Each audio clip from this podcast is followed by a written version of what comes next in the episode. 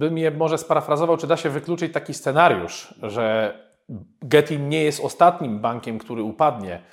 Niestety nie da się takiego scenariusza wykluczyć.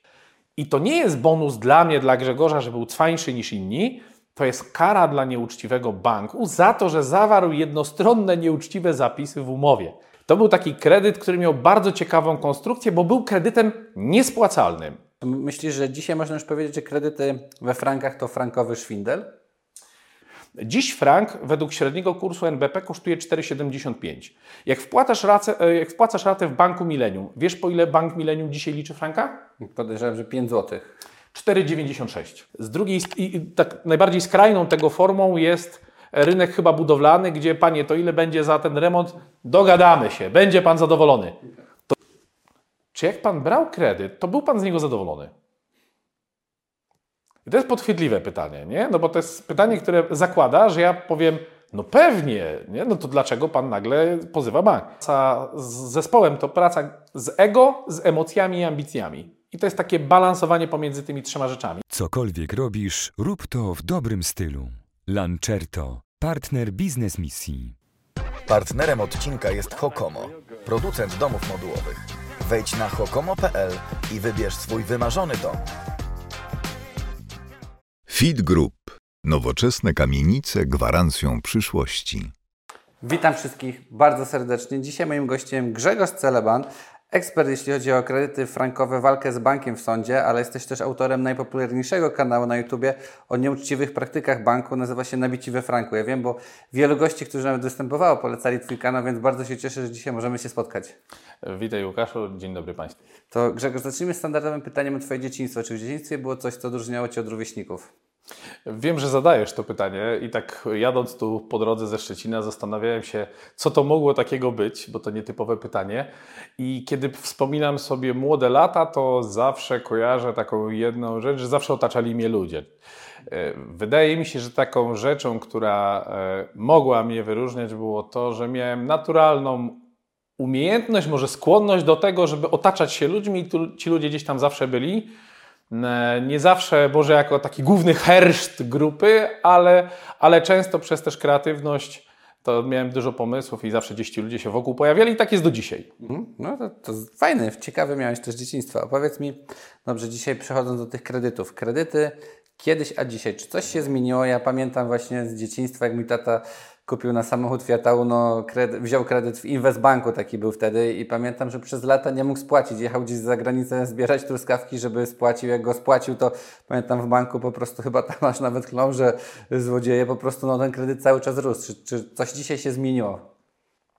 Gdybym miał e, zrobić taką retrospekcję, jak kiedyś wyglądały kredyty, to może były też czasy, kiedy ja jeszcze kredytów nie brałem, bo, bo miałem tam, byłem wczesnym nastolatkiem ale historia nam pokazuje, jeżeli chodzi o kredyty, to taki istotny moment to lata 90., tam między 95 a 98 rokiem. E, I to w ogóle o czym powiem, jeżeli chodzi dzisiaj o kredyty, o czym chciałbym może powiedzieć, podzielić się tym, to nawet jak ktoś nie ma kredytu, to to, o czym będziemy mówić, będzie poruszać się wokół relacji firma kontra klient.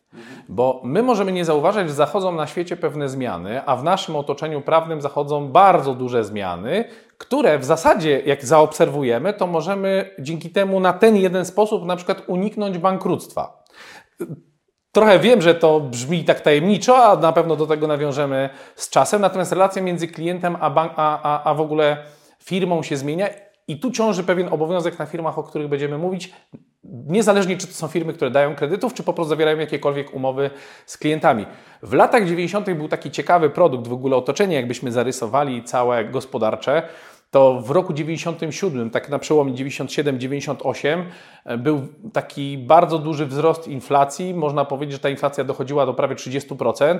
Była też nagła podwyżka stóp procentowych, ponad 20% wynosił WIBOR. No dzisiaj, kiedy patrzymy na to, co się dzieje na rynku, kiedy WIBOR jest ponad 7%, no to możemy sobie wyobrazić tylko, co działo się wtedy. Była hiperinflacja, wszystko drożało, na pewno było to ciężkie. I wtedy na przykład bank PKO wypuścił taki produkt e, kredytowy, który nazywa się kredyt Alicja, znaczy on nawet już się pojawił w 1995 roku. Wtedy mój tata brał samochód, 9,5 pamiętam. No to właśnie były te lata. To był taki kredyt, który miał bardzo ciekawą konstrukcję, bo był kredytem niespłacalnym. No pytanie dlaczego? Ano dlatego, że tam miałeś obietnicę, stałej raty, czyli co by się na świecie nie działo, Twoja rata będzie wynosiła dokładnie tyle samo. Z perspektywy społeczeństwa, które jeszcze kilka lat wcześniej było w głęboko w socjalizmie, no to taki kredyt w ogóle może się rozwijać, mieć własność, w ogóle własne mieszkania, był głód tej własności w tamtych latach. No i pewna rata, nic mi nie grozi, super wydaje się deal. Jedną taką gwiazdeczką, którą tam można by było e, zarysować małym druczkiem, było to, że ten kredyt nie ma terminu spłaty.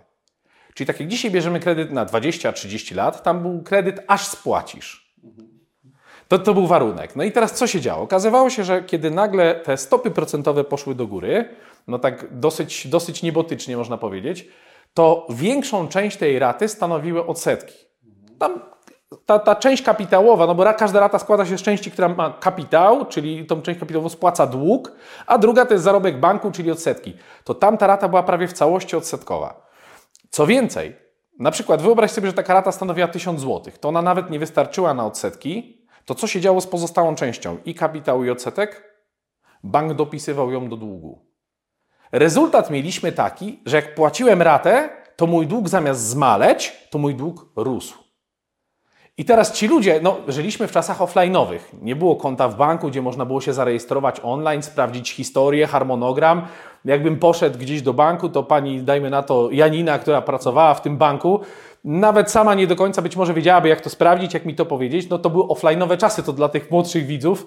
Dzisiaj sobie trudno to nawet wyobrazić. I teraz te kredyty tak wyglądały wtedy. Minęło 10 lat, część ludzi, no, zmieniała się sytuacja. Chcieli sprzedać mieszkanie, chcieli spłacić kredyt Ktoś wziął na przykład 200 tysięcy kredytu, przychodził po 10 latach, a ma do oddania 300. No, no i pytanie, co dalej, prawda? No i w tym momencie na arenie między 2004 a szczególnie 2007, 2008 e, rokiem pojawiły się na arenie te świetne kredyty frankowe. I bardzo dużo osób, które brały te kredyty Alicja, żeby uciec z tego rosnącego długu, robiły już powiększony dług, refinansowanie kredytem frankowym w momencie, kiedy frank był najtańszy w historii. Hmm. Czyli taki prekursor tego kredytu frankowego już się stał, ale czy myślisz, że dzisiaj można już powiedzieć, że kredyty we frankach to frankowy szwindel? To znowu warto zobaczyć na to, co pokazały nam fakty, bo nie mówimy jakiejś hipotezie, co się stanie w przyszłości. Mamy 15, 17, zależy od momentu wzięcia kredytu lat historii, gdzie możemy zobaczyć wstecz i to przeanalizować. No, banki udzielały tych kredytów najwięcej w latach 2007-2008, czyli w czasie, kiedy frank był historycznie na najniższym poziomie. Stopy procentowe też zaliczyły pewną zwyżkę wtedy, co powoduje, że na przykład jak szedł Kowalski teraz do banku i chciał wziąć kredyt w złotówkach, słyszał, niestety panie Łukaszu, ale nie ma pan zdolności na kredyt złotówka, ale spokojnie, jest rozwiązanie, mamy świetny interes, mamy kredyt indeksowany do franka. Tutaj pojawia się też taka pewna nieścisłość odnośnie tych kredytów we frankach. Bardziej należałoby chyba powiedzieć, że to były kredyty w niefrankach. Po pierwsze dlatego, że tam franka nikt nigdy na oczy nie widział, bo bank pożyczał złotówki i przyjmował z powrotem złotówki. Wyjaśnijcie na przykładzie. Wyobraź sobie, że pożyczasz ode mnie kwotę pieniędzy, na przykład 4700 zł. Zapisujemy między nami w umowie, że masz mi oddać 1000 euro. No 4,70 tyle kosztuje dzisiaj euro. No i teraz 1000 euro to jest dług zapisany w umowie. Ja ci daję gotówce 4700. No i teraz mija jakiś czas, ty przychodzisz do mnie i teraz ja zapisując, to nie zapisuję 1000 euro, czyli tyle, ile wynosi kurs, tylko w umowie jest zapis, że to ile masz mi oddać euro i ile złotówek, to ja decyduję. Czyli to ja jakby wpiszę, po jakiej stawce przeliczę ten, ten, te euro na złotówki i złotówki na euro. No i ja sobie wymyślam na przykład, że ja policzę to 20% drożej niż jest na rynku i zapisuję Ci dług 1200 euro. Przychodzisz do mnie następnego dnia i chcesz mi te, te pieniądze oddać. Mówisz, Grzegorz, słuchaj, mam te 4700, chciałbym Ci oddać. Ja Ci na to odpowiadam, Łukasz, tylko jest mały problem. Po pierwsze, to Ty nie jesteś mi winien 4700, tylko jesteś mi winien 1200 euro, a to ile Ty masz mi złotówek y, oddać, to ja Ci teraz powiem. ja Ci mówię w tej sytuacji, że Ty mi masz oddać 10 tysięcy złotych. No to, to jest, czyli to jest, na tym to polega ten przekręt banków? Ale dlaczego? No Bo kurs, po jakim masz, czy tam 12 tysięcy, żeby prościej było liczyć. Bo ja teraz te 1200 euro, każde euro ja liczę po 10 zł. Ty możesz mi powiedzieć, no ale zaraz, przecież euro kosztuje tak jak wczoraj 4,70. No ale zaraz, przecież euro kosztuje tak jak wczoraj 4,70. No może dzisiaj 4,72. Ja mówię, ale to nas nie wiąże kurs rynkowy, bo według tej umowy kurs przeliczenia ustalają tabele ustalone przez Grzegorza Celebala. I teraz umowa między nami, Łukaszu, nie wiem, czy ją czytałeś, czy nie, ale nie zawiera żadnego ograniczenia. I gdybym ja nawet, zobacz, jestem naprawdę bardzo wspaniałomyślny, bo gdybym ja chciał policzyć sobie tego, to euro po 100 zł, to ty musiałbyś mi oddać 100 razy tyle dzień później. I umowa mi tego nie zabrania. I teraz część ludzi, którzy mówią, o co chodzi z tymi frankami, myślą tak, brali jak frank był tani, to teraz jak jest drogi, to jest lament. Wzrost kursu franka podziałał tak naprawdę jak lupa, bo tylko powiększył, pozwolił zauważyć ten mechanizm, który był w środku. Niezależnie od tego, po ile jest frank, bank i tak dorzuca swoją marżę. Przykład z dzisiaj. Dziś frank według średniego kursu NBP kosztuje 4,75. Jak, wpłacasz ratę, e, jak wpłacasz ratę w banku Millennium, wiesz po ile bank Millennium dzisiaj liczy franka? Podejrzewam, że 5 zł. 4,96. 21 groszy, groszy dodatkowej marży, mimo że nigdzie nie kupuje ani nie sprzedaje franków.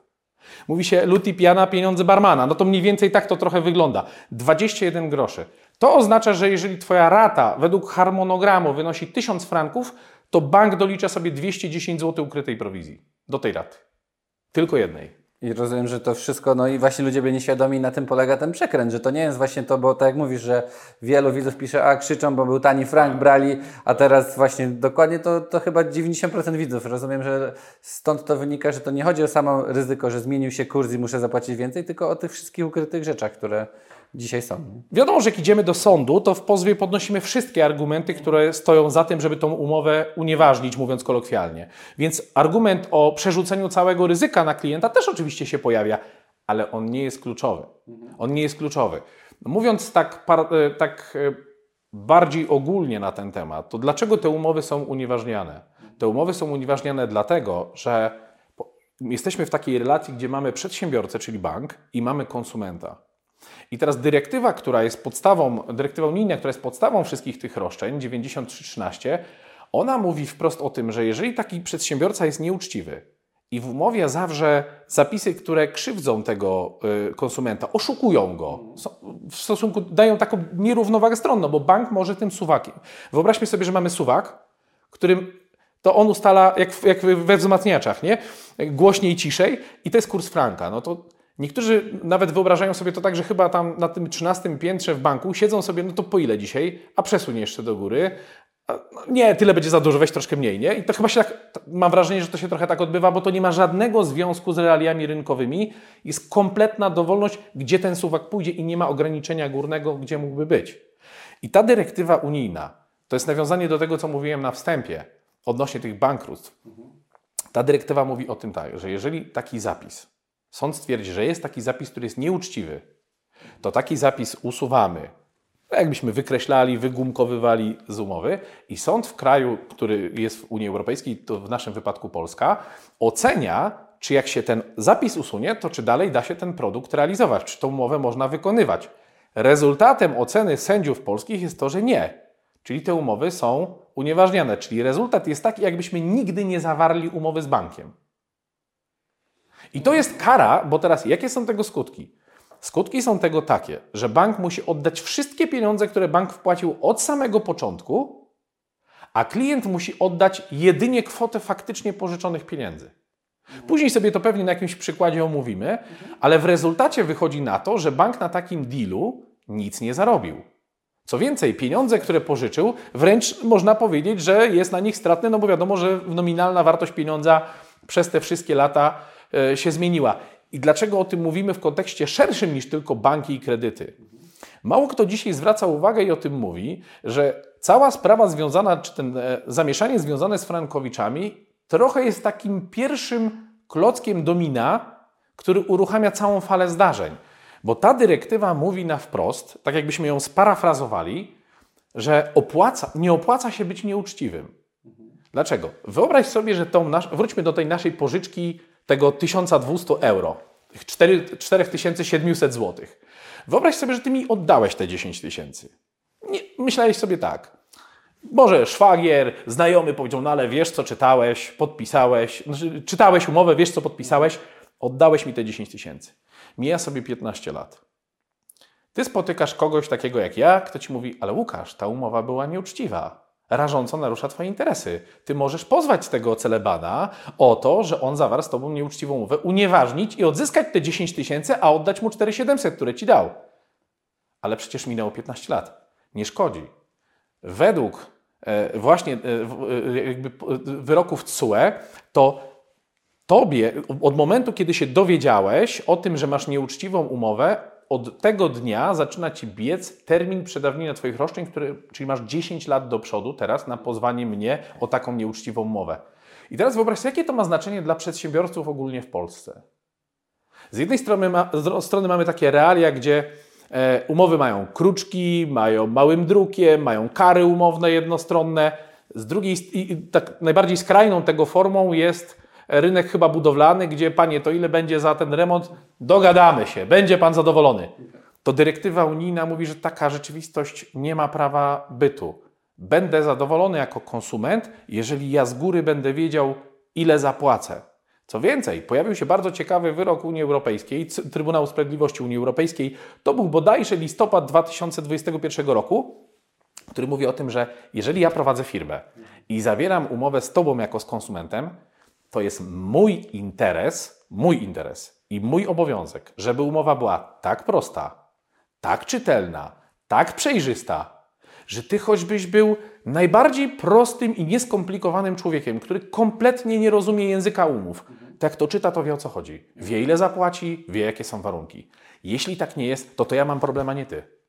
Tak daleko idzie ochrona konsumenta i tego to mało kto zauważa. To można powiedzieć, że takie, taki efekt motyla w postaci tych postępowań frankowiczów, on się będzie przekładał na wiele innych produktów, nie tylko finansowych, tylko ogólnie w różnych sferach naszego no, ale życia. Ale to jest fajne, że rzeczywiście to trochę zaczyna nas chronić i te banki nie są już takie bezkarne, ale wracając do, do, do kredytów dzisiaj, to chciałem Ciebie zapytać, czy myślisz, że ludzie dzisiaj będą mieli problemy ze spłatą kredytów, bo no mamy wakacje kredytowe, one niedługo się mogą skończyć i już dzisiaj nawet czytałem taką wiadomość, że zaraz będzie lawina ludzi, którzy dopiero się dowiedzą, ile wynosi ich rata, no bo nie wiedzieli. Więc jak Ty to prognozujesz? Zostało udzielonych dużo kredytów e, przy prawie zerowych stopach procentowych. Czyli ludzie idąc, kredyt był prawie darmowy, te stopy procentowe wynosiły tam 0,21 przez długi czas. To oznaczało, że jak szedłem do banku, to miałem dużo lepszą zdolność kredytową niż gdyby te stopy były wyżej. Co to oznaczało? To oznaczało, że mogłem może nie mieszkanie, a dom kupić albo większe mieszkanie, czyli było mnie stać teoretycznie przy tej samej wysokości raty na większy kredyt. Problem w tym, że jeżeli stopy procentowe idą do góry, to moja rata też się rozciąga. I teraz co, co się dzieje? No te raty, tak jak patrzymy na tych, którzy wzięli kredyty w 2021, to można powiedzieć, że to jest kopiuj wklej sytuacja z Frankowiczami czy z tymi osobami, które wzięły kredyt Alicja. To tutaj rata urosła dwukrotnie, w innym urósł dług dwukrotnie. Co jest ciekawe? Ciekawe jest to, że jakbyśmy w ogóle zobaczyli tą historię w takiej całej rozciągłości, to, to gospodarka działa w cyklach.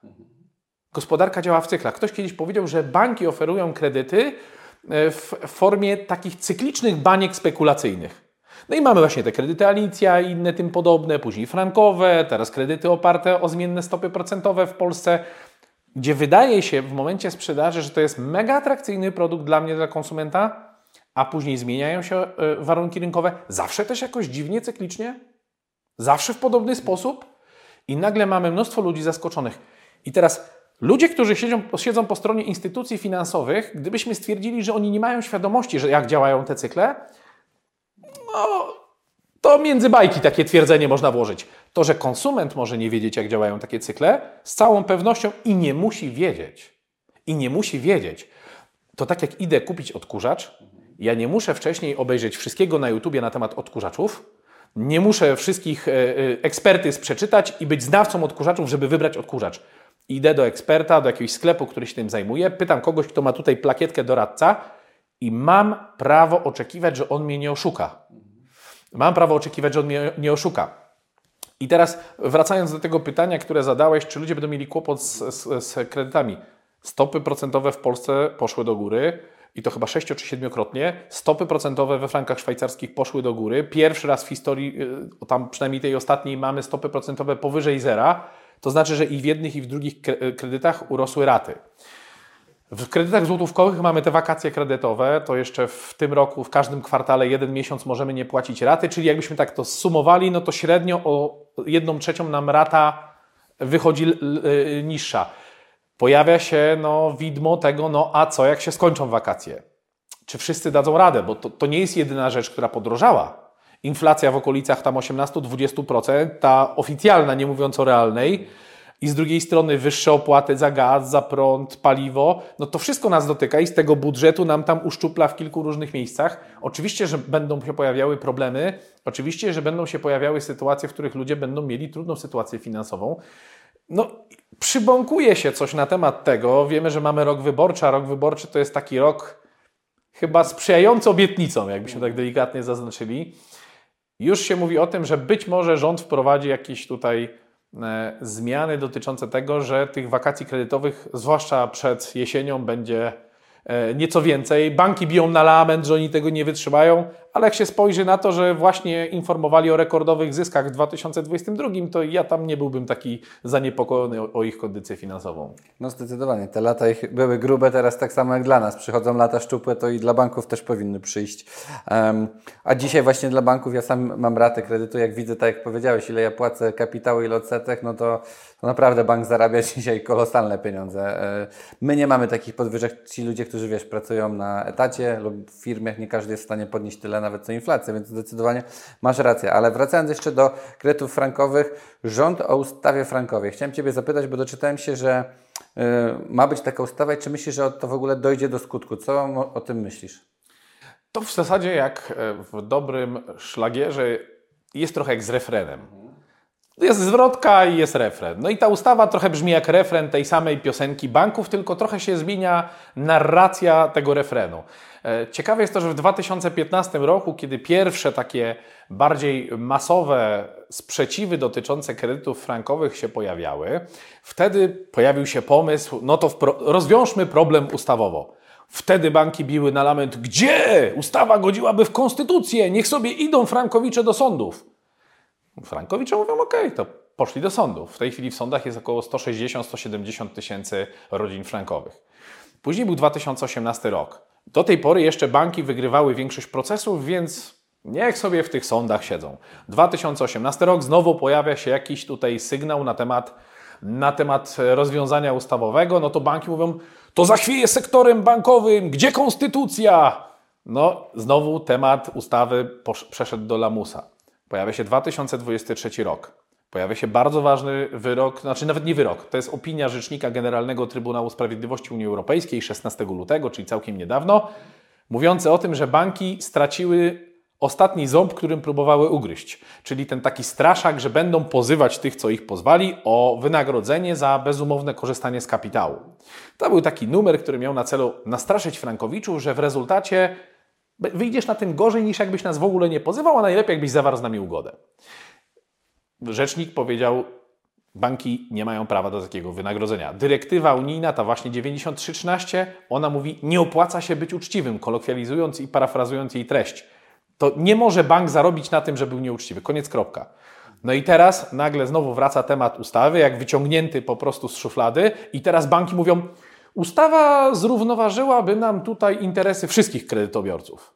Jak ta narracja pięknie się zmienia w zależności od kontekstu. Osobiście nie wierzę, żeby ta ustawa e, finalnie weszła w życie, to, to zawsze wokół tego robi się troszeczkę dymu. Ale nawet gdyby się taka pojawiła, to ona w niczym nam nie przeszkadza tak e, finalnie. Takie rozwiązanie zastosowano w Węgrzech, na Węgrzech, jeżeli chodzi o właśnie kredyty frankowe. Z, zrobiono przewalutowanie na lokalną walutę po ustalonym kursie średnim Narodowego Banku Węgierskiego. No ale Trybunał Sprawiedliwości powiedział wprost: rozwiązanie ustawą jakiegoś problemu, czyli przewalutowanie, nie zmienia faktu, nie stoi na przeszkodzie unieważnieniu tych umów od początku. Czyli tak, dla tych, którzy nic nie chcą z tym zrobić, to jakieś to rozwiązanie jest, a ci, którzy chcą i tak walczyć z bankiem w sądzie, i tak mają taką furtkę. Okej. Okay. No to dobrze, a jakie dzisiaj zapadają w takim razie wyroki? Mówisz, że jest tak dużo osób w sądach. Jak dzisiaj to wygląda? Jeżeli chodzi o wyroki, to w tym momencie około, tak się szacuje, 98% wyroków, mhm. łącząc pierwszą i drugą instancję razem, to są wyroki, których wygrywają frankowicze z bankiem. 98%. To trochę powoduje, ja się tak czasami zastanawiam, że praca prawnika, który reprezentuje bank, musi być strasznie depresjogenna. No bo tak pomyśl sobie, że 100 razy wchodzisz do sądu i tylko dwa razy wychodzisz z wygraną. Zakładam, że na prawo idą ludzie, którzy mają ambicje zawodowe, no wiesz, Erin Brokowicz, te wszystkie filmy o prawnikach, gdzie wygrywasz te sprawy, a tu reprezentujesz stronę, która codziennie, wielokrotnie dostaje łupnia. To nie jest praca, która chyba raczej budzi entuzjazm. To, a to taka moja osobista dygresja, tak mi przyszła do głowy. Natomiast jakie wyroki zapadają? Zapadają wyroki, które stwierdzają, że ta umowa nigdy nie została y, y, tak prawidłowo zawarta. No ale pieniądze płynęły. No bo bank przelał mi pieniądze w postaci kapitału. Mi czy sprzedającemu nieruchomość. Ja wpłacałem raty. W związku z tym, na skutek takiego wyroku, bank musi zwrócić wszystko, co ja wpłacałem, a następnie musi mnie wezwać do zapłaty, o zapłatę i ja muszę zwrócić kwotę udzielonego kredytu. Także takie wyroki zapadają około 90-92% spraw. No dobrze, to ja, jak w sumie mówisz o tym sądzie, to chciałem Ciebie zapytać może jakieś tipy dla widzów, czego nie powinniśmy mówić w sądzie, co zrobić, żeby wygrać? Myślę, że po pierwsze każda kancelaria, która prowadzi, to, to tutaj też takie podpowiedzi zamieści. Ja mogę powiedzieć ze swojej strony, że przede wszystkim nie należy mówić nieprawdy. No bo jesteśmy przecież w sądzie. Na swoim kanale nagrałem dwa odcinki, które są na podstawie mojej rozprawy, która odbyła się 20 grudnia teraz, pod koniec roku, po której zapadł wyrok e, dwa tygodnie później unieważniający moją umowę z M-Bankiem, bo ja sam też jestem tym Frankowiczem, więc jakby znam to od kuchni. E, na mojej rozprawie pojawiło się 40, chyba 7 albo 48 pytań. Są dwa odcinki. 18 czy 19 pytań, które zadał sąd i 28 pytań prawnika banku. Więc ta rozprawa trwała około godziny, była zdalnie przez Microsoft Teams. I jest taka rzecz, na którą warto zwrócić uwagę, bo banki starają się wykorzystać naszą nieuwagę i przede wszystkim podważyć nasz status, nasz status konsumenta, czyli że my nie byliśmy tym konsumentem, na przykład, że mieliśmy zarejestrowaną działalność, więc byliśmy firmą, to już nie mamy takiej ochrony i tak dalej. Ale pytanie, które zadała prawnik banku, które e, było ciekawe, to to, czy jak pan brał kredyt, to był pan z niego zadowolony? I to jest podchwytliwe pytanie, nie? No bo to jest pytanie, które zakłada, że ja powiem, no pewnie, nie? No to dlaczego pan nagle pozywa bank? Więc ja na przykład odpowiedziałem tak, że po pierwsze to nie pamiętam jak oceniałem ten kredyt 15 lat temu. Cieszyłem się, że w ogóle jest kredyt jako kredyt, że mogę nabyć to pierwsze mieszkanie. W życiu mieliśmy chyba wtedy 23 lata, jak braliśmy ten kredyt. E, drugie, drugie pytanie, które było takie podchwytliwe, to było właśnie dlaczego my się tu dzisiaj spotykamy? Czy to dlatego, czy dlatego, że kurs franka wzrósł?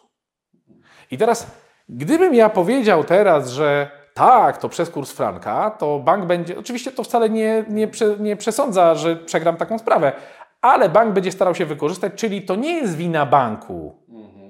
To warunki zupełnie zewnętrzne, na które bank nie ma wpływu, przy, przyprowadziły pana dzisiaj do sądu. Nie, e, pani mecenas. Powodem, dla którego.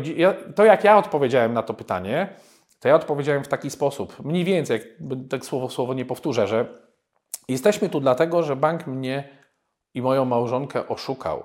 No ale wtedy wziął Pan kredyt, czy, czy Pan pytał o to, jak będzie przeliczany ten frank, czy dociekał Pan, dla, w, w jaki sposób bank będzie ustalał ten kurs?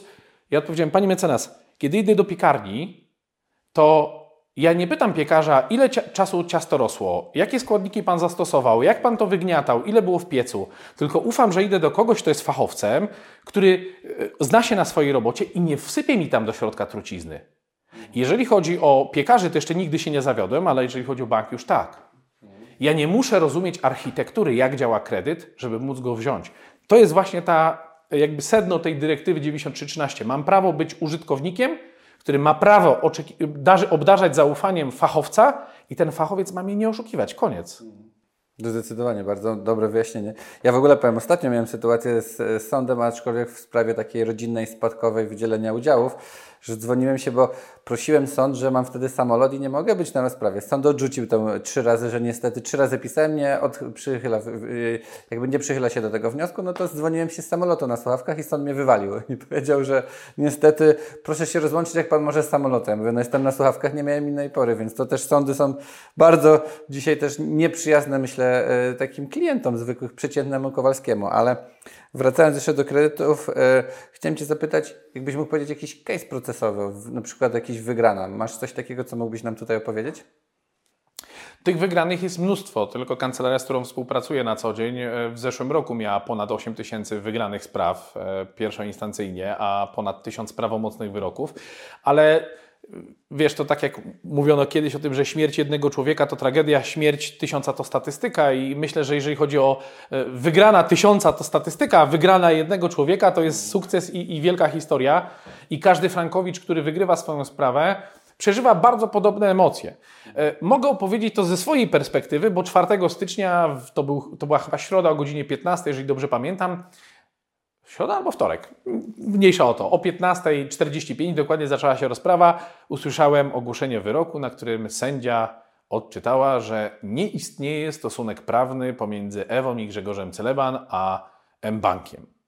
W związku z czym zasądza na rzecz powodów, czyli nas, od tego też M-Banku 118 tysięcy złotych do zwrotu, bo tyle wpłaciliśmy do banku na dzień składania tego pozwu, czy tam rozszerzenia pozwu o tą kwotę i jednocześnie zasądza koszty postępowania i odsetki.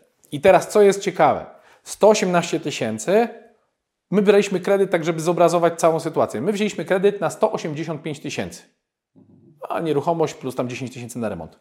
I teraz do tej pory wpłaciliśmy do banku 151, 153, powiedzmy mniej więcej w tych, w tych granicach e, tysiące złotych to teraz te 118 tysięcy bank będzie musiał oddać. Następnie po prawomocnym wyroku, bo to był wyrok pierwszej instancji, będziemy jeszcze składać apelację, o czym zaraz powiem, to jeszcze do tego te pieniądze płacone w trakcie procesu, czyli finalnie na dzień dzisiejszy bank będzie miał do zwrotu 153 tysiące plus odsetki za zwłokę.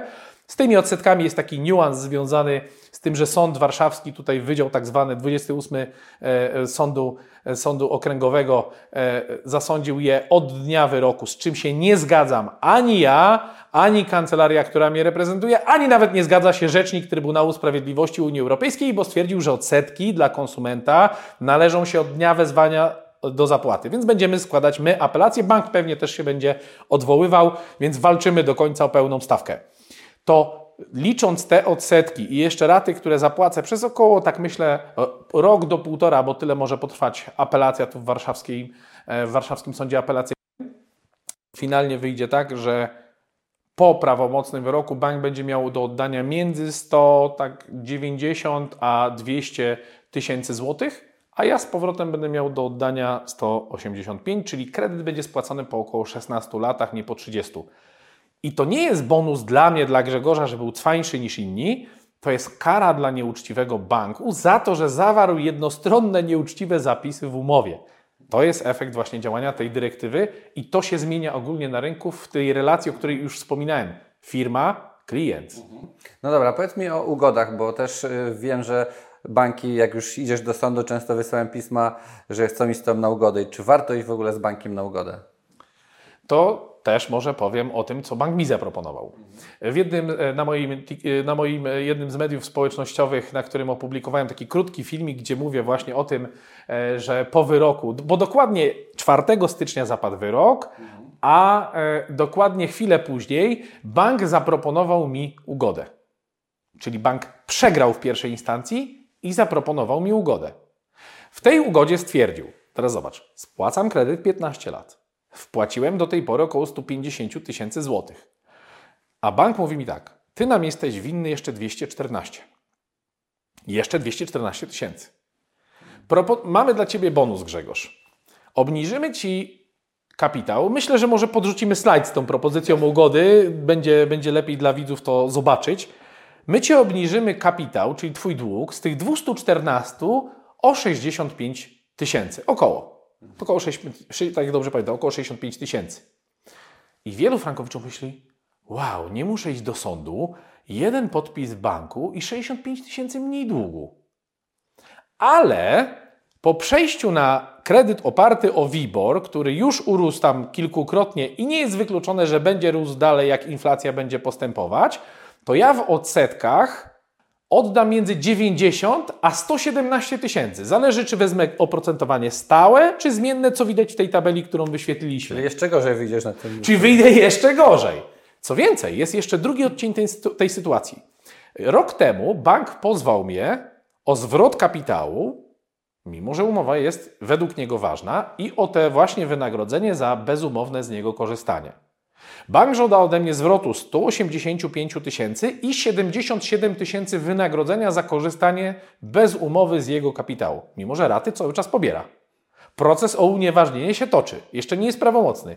Już pozwali mnie w tym czasie.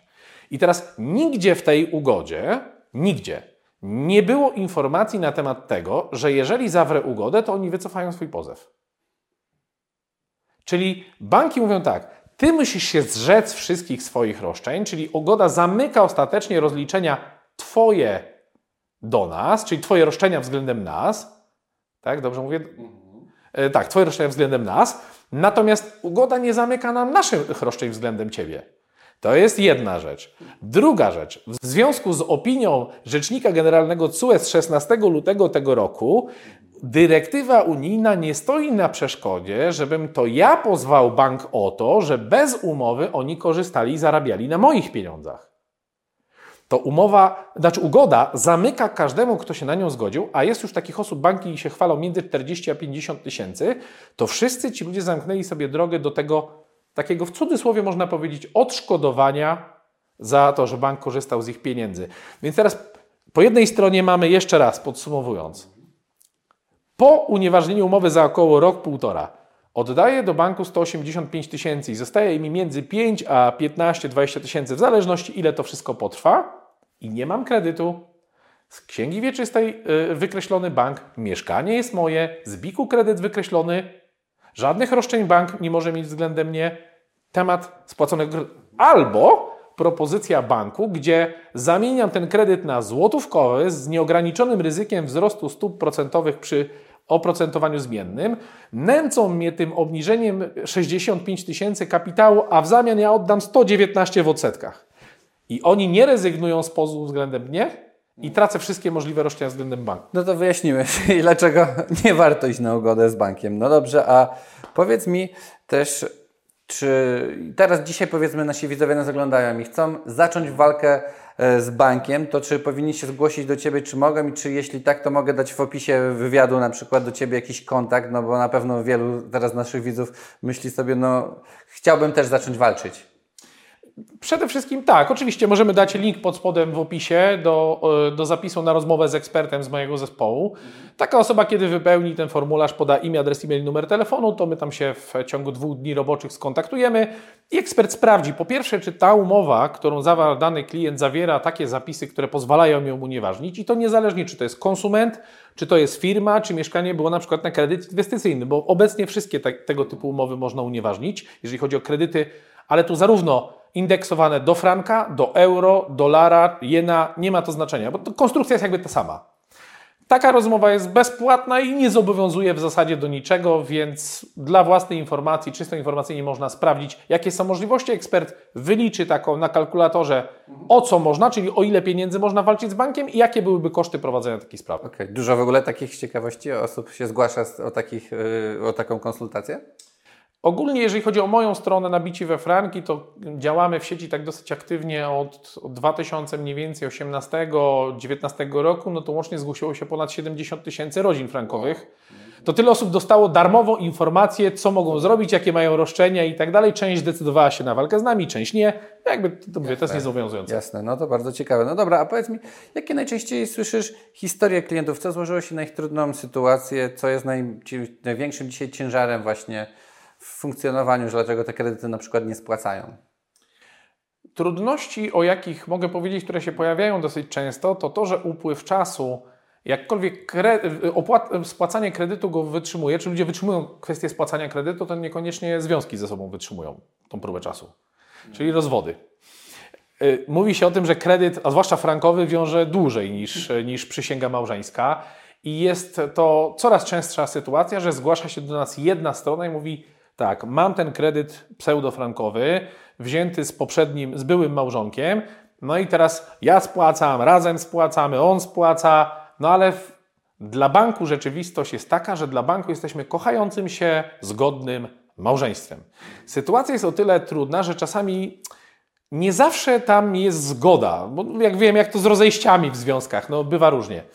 Więc to, w czym mamy ogromne doświadczenie, to w pertraktacjach i w pomocy zawarciu e, paktu o nieagresji pomiędzy byłymi małżonkami na czas e, wytoczenia większych dział przeciwko bankowi, bo jakie jest zagrożenie, jeżeli nic z tym nie zrobimy? Gdyby się okazało, bo małżonkowie odpowiadają solidarnie, to znaczy, że bank może ściągać pieniądze z jednego z nich, z każdego z nich po trochu, albo z pierwszego, z kogo ściągnie te pieniądze. Czyli może być tak, że na przykład umówiliśmy się ja z byłą żoną, ja będę ten kredyt płacił, ale nagle stwierdzam, no dlaczego mam to płacić? Robię jakieś tam upadłości, historie, albo w ogóle no po prostu przestaję płacić. Ale załóżmy, że moja żona ma pieniądze. To nasze ustalenia, jak my podzieliliśmy majątek dla banku, są kompletnie niewiążące. Bank będzie ściągał z tej byłej małżonki pieniądze, aż ściągnie wszystko, a to, czy ona będzie później ode mnie to rościć tak dalej, to już jest jej sprawa. Więc y, w interesie każdego z byłych małżonków jest to, żeby też na tym polu rozstać się majątkowo.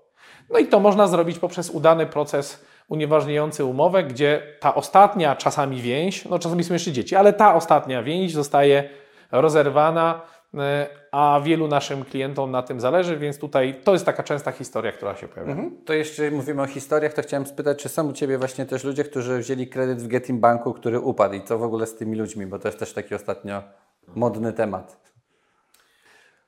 To trzeba przyznać, była wieść, która gruchnęła gdzieś tam, to była chyba końcówka września, początek października, jak dobrze pamiętam. To był piątek. Informacja o tym, że Getin został poddany przymusowej restrukturyzacji. Co to znaczy? To znaczy, że z tego Getin Banku wyciągnięto wszystkie produkty niezwiązane z kredytami frankowymi, przeniesiono je do Velo Banku, a w Getinie zostały same kredyty pseudofrankowe. To oznacza, że jedyne pieniądze, jakie dzisiaj tam wpływają, to są z rat frankowiczów, którzy jeszcze płacą raty.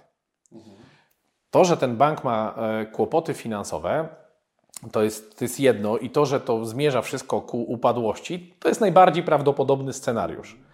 To teraz każdy, kto tam ma kredyt dzisiaj, ma dosyć trudną sytuację, bo umowa jest ważna. To znaczy, że syndyk, który będzie e, zbierał pieniądze, żeby zaspokoić wierzycieli, z każdego, kto ma ważną umowę, te pieniądze ma prawo ściągać. Ale te umowy, co pokazują wyroki sądów przeciwko Getinowi, w większości są unieważniane.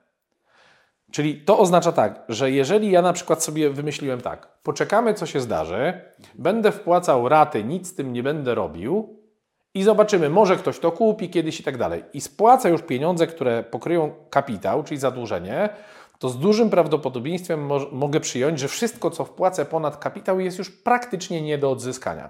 Oczywiście jest jakiś scenariusz, że zjawi się jakiś dobry wujek sam, kupi, uratuje wszystkich, ale przy, powiedzmy sobie szczerze, to jest mało prawdopodobny scenariusz. To oznacza, że wszystkie osoby, które mają, my, my co prawda, akurat kancelaria, z którą współpracuję, mm, nie prowadzi obecnie, nie przyjmuje, bo prowadzimy 3000 postępowań klientów Getin Banku, natomiast nie przyjmujemy obecnie nowych spraw e, klientów tego banku. E, natomiast warto poszukać kancelarii, która prowadzi takie sprawy i jednak zająć się mhm. tym kredytem. Natomiast jeżeli ktoś już spłacił kredyt przeciwko Getinowi i chciałby wystąpić o zwrot pieniędzy, może się to mijać z celem, bo może być to po prostu nieuzyskiwalne. Mhm. A czy myślisz, że na podstawie takiego Getin Banku w przyszłości teraz mogą upadać kolejne banki, możemy mieć problemy właśnie w innych bankach? To odpowiadając na to pytanie, to bym je może sparafrazował, czy da się wykluczyć taki scenariusz, że Getin nie jest ostatnim bankiem, który upadnie. Niestety nie da się takiego scenariusza wykluczyć co oznacza, że jeżeli nie da się go wykluczyć, jest on mniej lub bardziej prawdopodobny. Jakiś rok przed tym, e, mniej więcej, jak został poddany przymusowej restrukturyzacji, bank stracił zdolność do tego, żeby sprostać wymogom kapitałowym, jakie nakłada na banki KNF. Czyli bank musi mieć jakąś określoną kwotę pieniędzy w stosunku do ilości kredytów, które udzielił i tak dalej. I ta, e, pojawiło się to zagrożenie płynności banku. I dzisiaj o takim zagrożeniu otwarcie i głośno w mediach powiedział mBank i Millennium. Banki Millennium są bankami, które powiedziały, że gdyby ujęły całe ryzyko związane z kredytami frankowymi i wakacjami kredytowymi w swoich rezerwach, bilansach itd., tak to mogłyby już nie doganiać tych wymogów e, dotyczących wymogów kapitałowych. Czyli czy to będą kolejne banki? Trudno powiedzieć. Może to jest tylko taka narracja po to, żeby odstraszać ludzi od sądów. To ciężko nam jest ocenić z zewnątrz. Natomiast czy jest prawdopodobne, że któryś kolejny bank może znaleźć się w kłopotach finansowych? Jest to prawdopodobne. I teraz historia klientów Getinu powinna być dla nas pewną lekcją, no bo kto nie zna historii jest skazany na jej powtarzanie.